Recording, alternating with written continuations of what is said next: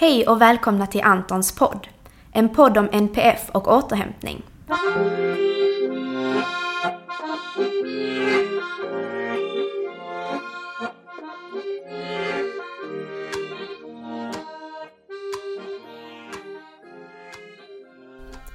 Jag heter Marie och kommer att i dessa poddavsnitt utforska olika aspekter av hur det är att leva med eller tillsammans med någon med NPF, neuropsykiatrisk funktionsnedsättning. Jag heter Josef. För tio år sedan så jobbade jag som pedagog på en särskola och fick en ny elev som hette Anton.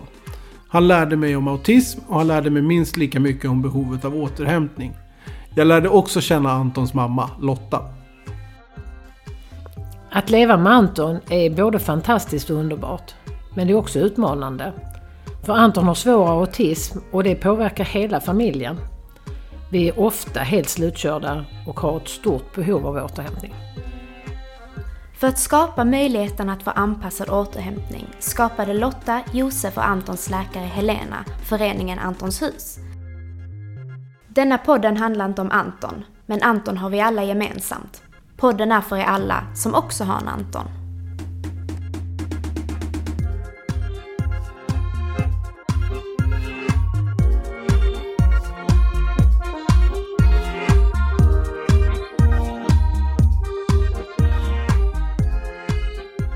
Hej och välkomna till dagens avsnitt om personlig assistans. Och idag har jag med mig Lotta och Josef. Välkomna! Tack, tack. Tack så mycket! Och i dagens avsnitt ska vi diskutera personlig assistans i samband med att reglerna kommer att uppdateras. Men innan vi djupdyker i det, skulle ni vilja berätta lite kort om er själva för våra lyssnare och kanske lite kring varför ni tycker det är viktigt att vi pratar om just detta ämnet idag? Min erfarenhet är ju att Anton har personlig assistans. Och jag är då hans mamma och god man för tillfället för han är ju vuxen. Han har, han, har, han har mycket hjälp av personlig assistans. Han har dubbel assistans 24 timmar alla dagar i veckan. Så det är ju jättemycket. Och han fick det när han, innan han blev myndig också. Och då var det ju mindre för han gick på gymnasiet och han bodde på korttids och han bodde vid skolan. Men på helger och sånt behövde vi hjälp. Och det var ju jättesvårt att få tag i någon som kunde jobba utifrån de premisserna för det var ju bara några timmar. Så att ibland har vi, när man inte fått tag i, i, i assistenter och så, så har jag fått hoppa in och jobba som personlig assistans. Att, inte assistans men assistent. så jag har erfarenhet ut, utifrån man säger brukaren. Eller? Eh, och jag, eh, ja, jag jobbar ju med personlig assistans eh, sen eh, ja, ett antal år tillbaks. Eh, och eh, har eh, både hjälpt ganska många personer att söka assistans och, och hjälpt till att hitta vettig personal och liksom som, som, som reder ut arbetet och sådär. Det, det, är en ganska personalintensiv eh, bransch givetvis. Så det, det, krävs ju att man hittar rätt folk, att man behåller rätt folk, att man utbildar rätt folk, att man ser till så att de både känner att de kan utvecklas på jobbet och, och, och liksom brinner för det. Och det, det går lite grann stick i stäv med, med den här allmänna uppfattningen om att personlig assistans är någon slags genomfartsyrke som, som 19-åringar ska göra när de är trötta efter gymnasiet innan de går vidare till något annat. Eh, för det... Jag ska inte säga att det inte finns några, för jag har absolut träffat några, men det är ytterst få personer med, med så lite livserfarenhet som, som förmår att ge det kvalificerade stödet som till exempel Anton behöver.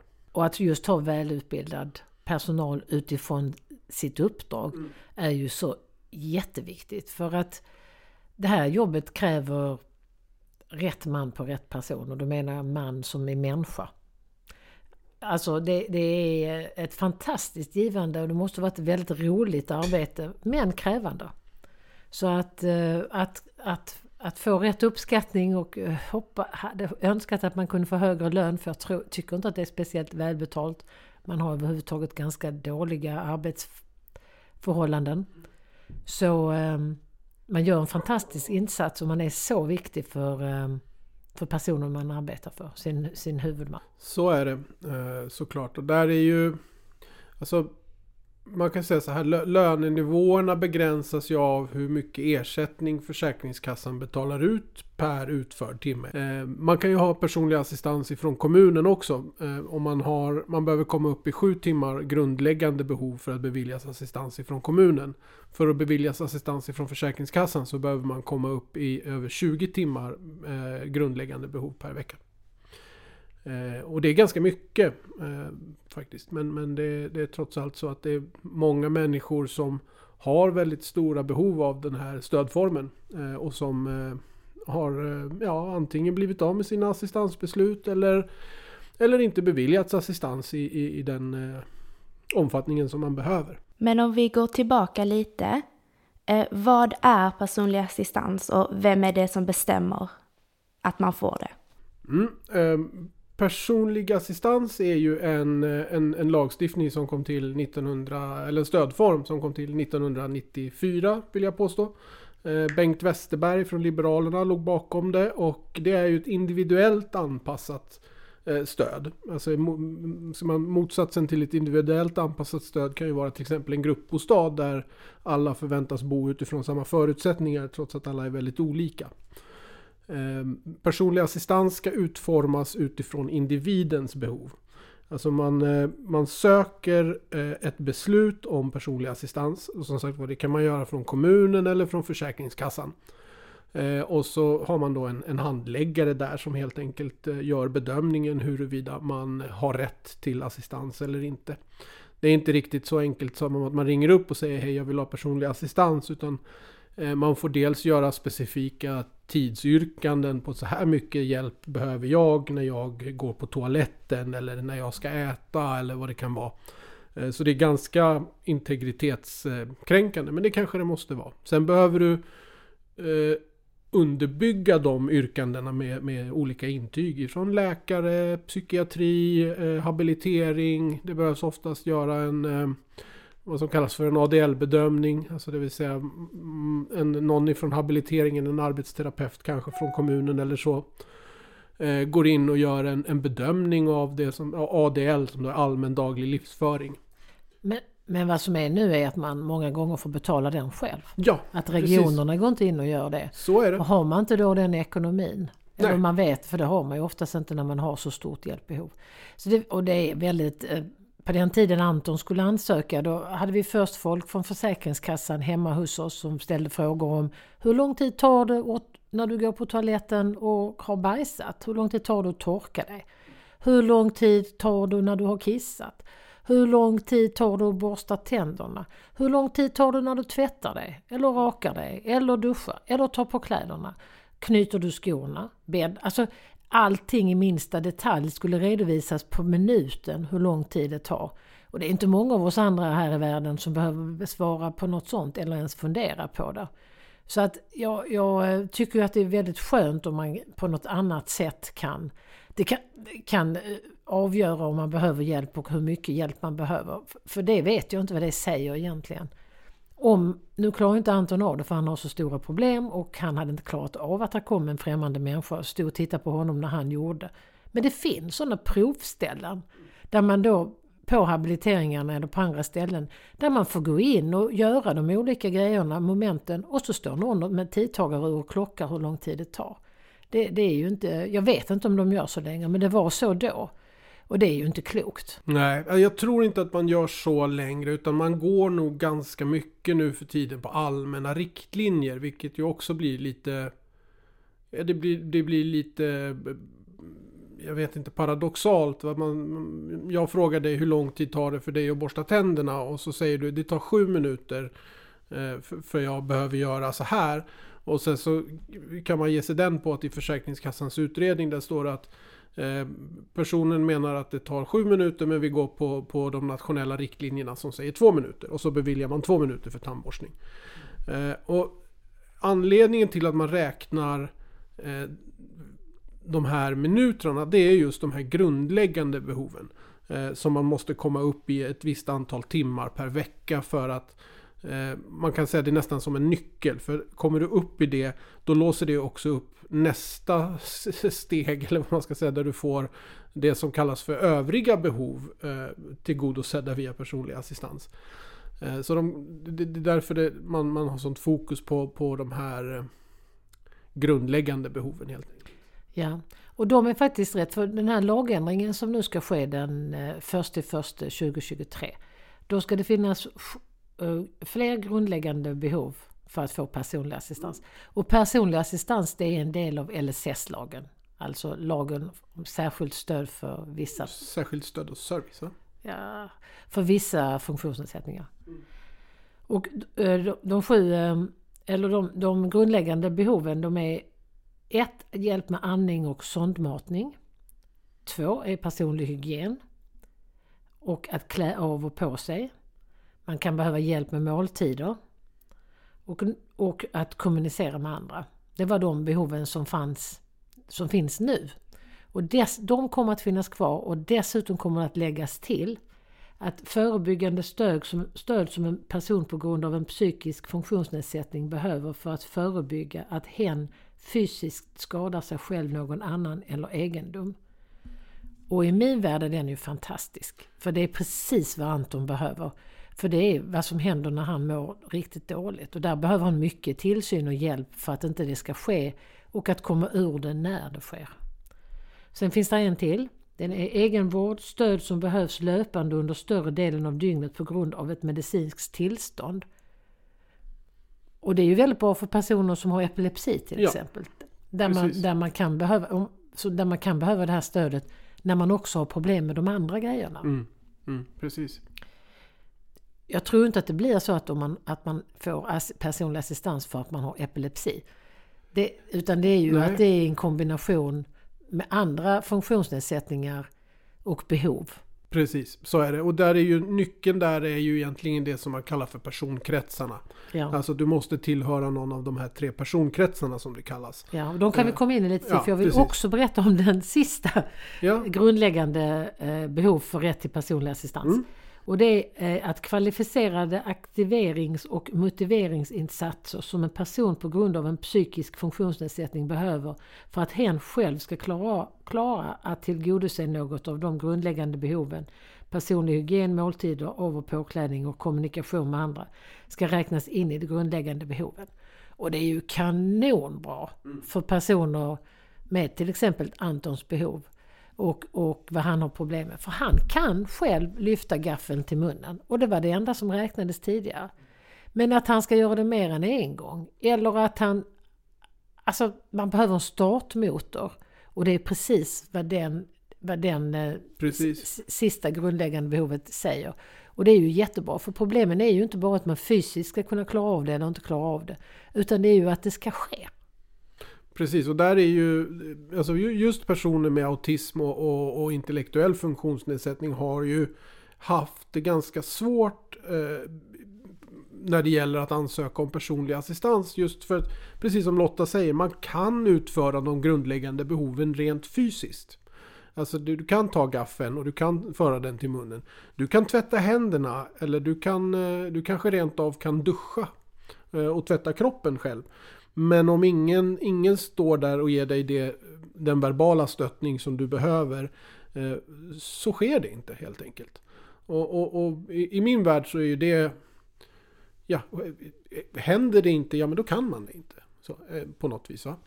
Eh, Så det där, är, det där är en väldigt, väldigt viktig förändring för väldigt många människor. Och jag, jag tror att ehm, jag tror att vi kommer att, se ganska många personer som, som, som blir beviljade personlig assistans nu efter ganska många år eh, av av att inte ha fått det. Så jag, jag tycker det är en fantastisk eh, lagförändring faktiskt. Ja, det är en riktigt bra lagförändring. För, för, de, för många. För vissa kan det bli lite svårare om man har yngre för, yngre... för barn. För yngre barn kan det bli svårare att få assistans. Men man är ju faktiskt vuxen över större delen av sitt liv. Och vi kommer in på det också lite mer. Men först tänkte jag att vi skulle prata om de här personkretsarna som vi Ja, nämnde i förbigående. Och det, är, det första kravet för att komma i fråga för personlig assistans är att man anses tillhöra någon av LSS tre personkretsar. Och mycket av de fakta som vi ger nu de hämtar jag från eh, hemsidan hejaolika.se. Mm. Så där kan ni läsa mer. Ja, absolut. Och sen, först ska man tillhöra någon av personkretsarna. Och sedan ska man då ha, behöva, alltså man behöver hjälp med de grundläggande behoven som vi precis har gått igenom. Och personkrets 1 är personer med intellektuell funktionsnedsättning, alltså utvecklingsstörning som man tidigare. Är, man har autism eller autismliknande tillstånd och diagnosen avgör om man tillhör personkretsen. Mm. Helt rätt. Ska jag fortsätta? Ja, ja, Personkrets 2 det är personer med betydande och bestående begåvningsmässigt funktionsnedsättningar efter hjärnskada i vuxen ålder föranledd av yttre våld eller kroppslig sjukdom. Diagnosen avgör om man tillhör personkretsen. Det är alltså till, till, vad kallar man tillförvärvad? Ja, det är det man kallar förvärvad hjärnskada. Förvärvad det, är, det är ofta människor kanske som har varit med om en olycka av något slag, en arbetsplatsolycka eller trafikolycka eller någonting sånt och, och, och fått en hjärnskada som gör att man, man behöver hjälp och stöd i vardagen för att, för att klara och ha en god livskvalitet eller så god livskvalitet som möjligt. Precis, medan personkrets 1 till de funktioner, man är född ja. med de person, man är född med de funktionsnedsättningarna Precis. som man pratar om då. Sen har vi då personkrets 3 och det är personer med andra varaktiga fysiska eller psykiska funktionsnedsättningar som uppenbart inte beror på normalt åldrande. Om de är stora och för, för, förorsakar betydande svårigheter i den dagliga livsföringen och därmed ett omfattande behov av stöd eller service. Personkrets 3 är inte diagnosinriktad utan där ska man uppfylla samtliga krav som anges för att anses tillhöra personkretsen.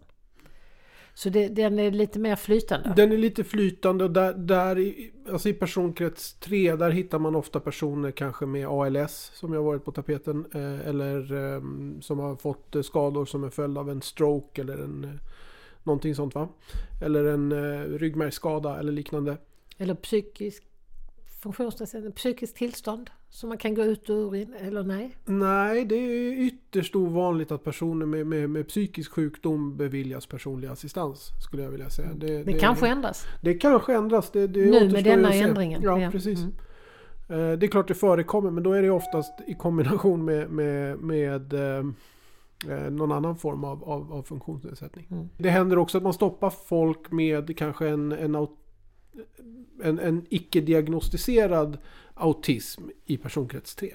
Det är lite märkligt men det, det, har jag stött på flera gånger att man, man läser i läkarintygen att den här personen har inte genomgått utredningar för att eh, eh tillhöra personkrets 1 men vi bedömer att den tillhör personkrets 3. Mm. Eh, så den är lite udda kanske men, men så där, den är lite, lite blandad. Helt enkelt. Ni nämnde ju också att denna lagändringen kommer ha en förändring för barn också. Vill, kan ni utveckla det lite? Ja, absolut. Eh, barn som eh, eh, ansöker om personlig assistans, där eh, gör man eh, idag eh, någonting som heter avdrag för föräldraansvar. Eh, och det varierar lite grann beroende på, på barnets ålder, men det finns en väldig osäkerhet i det. För man som sagt kan söka personlig assistans ifrån sin hemkommun eller från Försäkringskassan. Och det är även om det finns en rättspraxis på området så, så, bedöms det väldigt, väldigt olika hur mycket avdrag man ska göra för föräldraansvaret. Jag ska ge dig ett exempel kanske så det blir lite lättare att begripa. Men mm. om, eh, om jag har ett barn med eh, särskilda behov eh, och som har behov av personlig assistans. Då förväntas jag som förälder att ta en, en, en, stor del av ansvaret och ju mindre barnet är desto större del av ansvaret förväntas jag ta. Eh, och det är ju rimligt eh, någonstans. Alltså har man en ettåring eh, oavsett funktionsnedsättning eller inte så kräver den 100% av ens uppmärksamhet i stort sett när den är vaken. Eh, eh eller barnet är vaket. Eh, medan en, en femåring kan, eh, kan lämnas i, i vardagsrummet medan man eh, går till köket och lagar mat. På ett helt annat vis så att säga. Och, och, det är ju en rätt tänkt tycker jag. Det är klart att man ska ha ett avdrag för föräldraansvar upp till en viss ålder. I vissa moment. Man, man räknar med att ett barn behöver stöttning vid tandborstningen till exempel upp till 10 års ålder ungefär. Medan ett, ett funktionsnedsatt barn behöver kanske stöttning med tandborstningen hela livet. Så, för att det ska bli bra. Eh, så att där, där, finns eh, såklart en rimlighet i det. Men, men den här väldiga osäkerheten att beroende på vem som ska göra den bedömningen så gör man olika avdrag ehm, för föräldraansvaret. Eh, den vill man då komma åt genom att man, man, man plockar in en trappa helt enkelt. Som är helt åldersbaserad. Ehm, nu har vi inte sett hur den här lagstiftningen faller ut i praktiken men det är ju i farans riktning att, att barn ju mindre de är eh, får svårare att beviljas personlig assistans. Eh, och eh, ja, man, man räknar väl kanske med att upp till 10-11 års ålder någonstans så kommer den här lagändringen att göra det svårare att få assistans i, i, i den utsträckningen som man kanske behöver.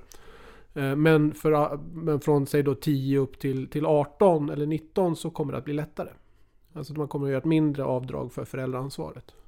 Är detta på grund av att det har varit ganska godtyckligt tidigare då? Eller varför tror du att man gör denna förändringen? Jag tror att det är precis det som är anledningen. Att det har varit ganska, ganska godtyckligt. Och det här, alltså det här kan man ju se. Du kan ju ha en person som har beviljats, eller ett barn som har beviljats assistans i en kommun och som sen flyttar till en annan och, får, och man gör en helt annan bedömning. Eh, och det är klart att det blir väldigt rättsosäkert. Alltså en, en rättighetslag som, som, eh, som LSS-lagen, den ska ju se likadan ut oavsett vart man bor. Det, det ska göra samma utfall.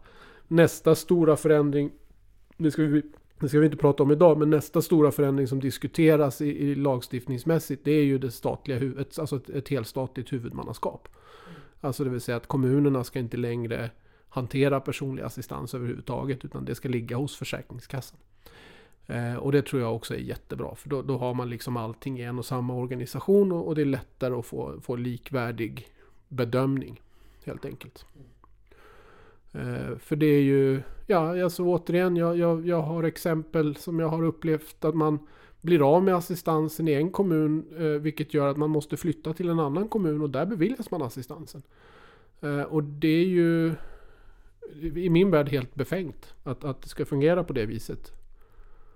Faktiskt. Det, det, det ska inte spela någon roll var man bor. Du ska ha, eh, ha, har du ett behov av stöd eh, som är så pass omfattande att du, att du tillhör målgruppen för, för stödinsatsen. Ja, men då, då ska du ha den oavsett om du bor i, i Stockholm eller i, i eh, Motala eller i, eh, inte vet jag, Håleklöva. Men det, och det, det, det, samtidigt så förstår jag det. Det är klart att kommuner som har ont om pengar, för sådana finns det ju, speciellt glesbygdskommuner. Mm. det är klart att de håller ju hårdare i sina pengar och, och, det ligger närmare till hands att man, man gör en snäv bedömning helt mm. enkelt. Mm. Ja, för att alltså personlig assistans och LSS-lagen överhuvudtaget är fantastiskt fin och det är väldigt, väldigt bra. Det förekommer fusk men framförallt så tror jag att det förekommer att man inte får den rättighet som man faktiskt är berättigad. Mm. Att man inte blir beviljad assistans eller andra, andra insatser inom LSS-lagen när man har rätt till det. Men den diskussionen kommer inte upp Nej. till ytan på alls samma sätt. Sen är det klart att ingen vill att man ska missbruka denna fina lag, för den är ju dyr. Och jag känner att man måste gå in och titta på just att, att alltså titta på det stort, både att när man har rätt till det, att man faktiskt får sina rättigheter mm. tillgodosedda. Men också att man kommer åt när det överanvänds och missbrukas och att när folk tänker att detta är ett bra sätt att sko sig på. Nu tror jag det är inte vanligt, det, men det förekommer.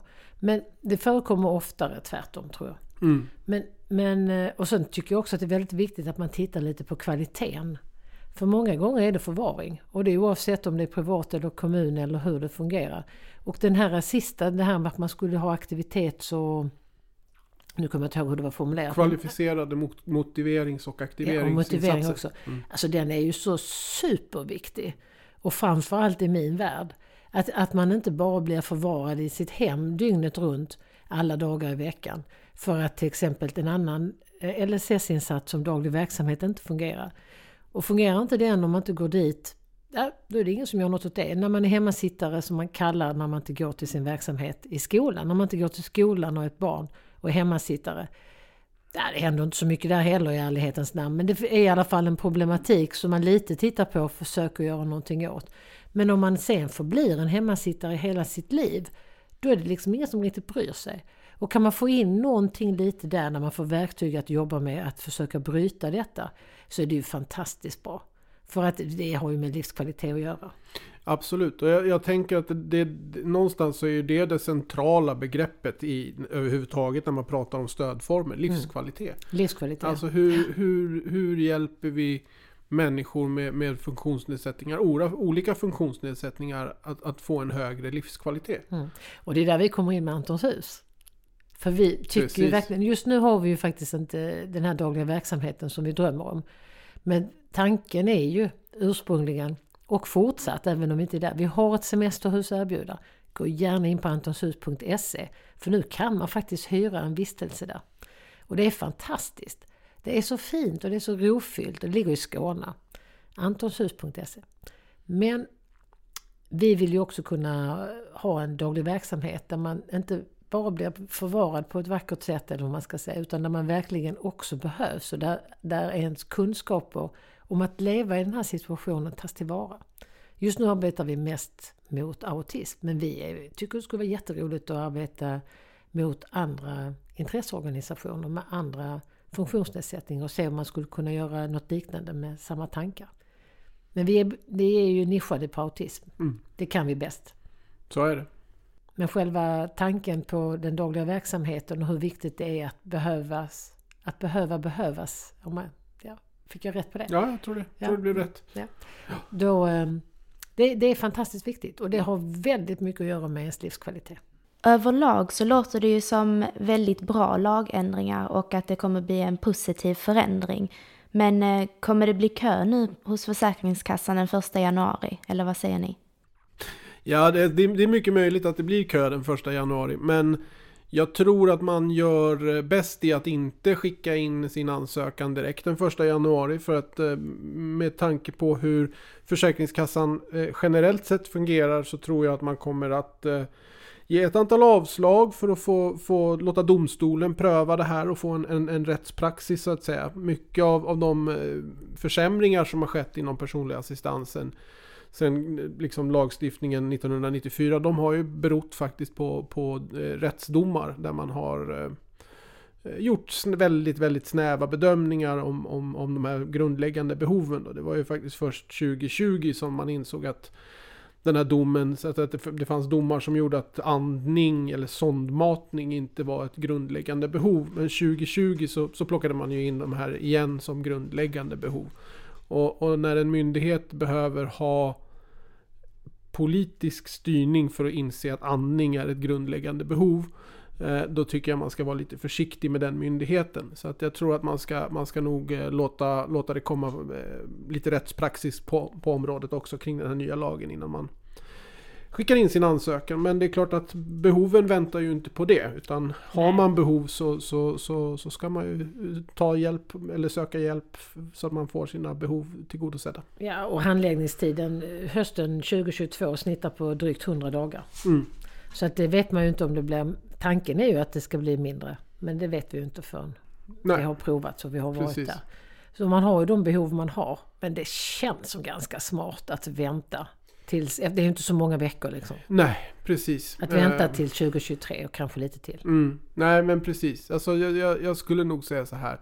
Har man möjlighet att, att låta det bero sex månader så, så, så är det nog en god idé.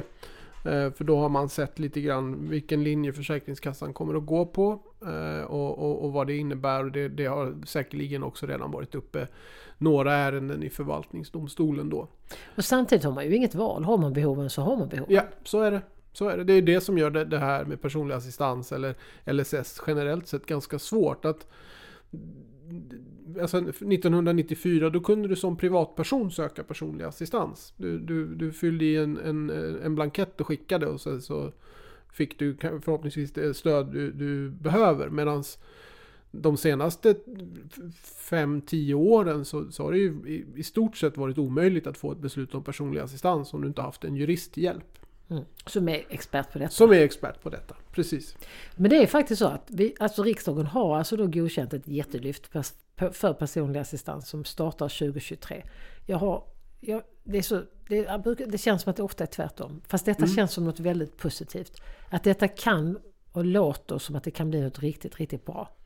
Absolut. Och, och, och, um, den här utredningen som ligger till grund för det här hade ju väldigt tydliga direktiv. Det var väl den tredje utredningen av personlig assistans under en ganska kort tidsrymd. Eh, där de första två åkte rakt i, i sopkorgen för att det var ja, de, de var eh, inte så, så värst eh, matnyttiga och framförallt så gav de ingen förbättring utan kanske snarare försämringar i mycket. Och för de här människorna som, som den här insatsen vänder sig till är verkligen människor som har ett väldigt stort behov och är beroende av att vi eh, i samhället vill ha med alla Precis. och hjälps åt. Och eh, det känns så skönt att det, allting känns så mörkt ibland och elen är dyr och allt möjligt. Men detta känns faktiskt som någonting positivt, att man, det, det finns det också liksom. Ja, verkligen. Alltså det, det, finns ju någonting fint i, eller väldigt, väldigt fint i, i det här rätten till ett liv som alla andra. Och med det så tackar vi för oss och tack för att ni har lyssnat.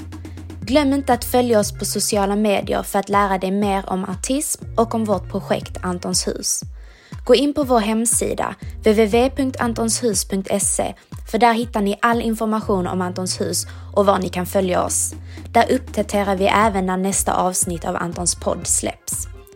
Tror du på idén om Antons hus som vi gör?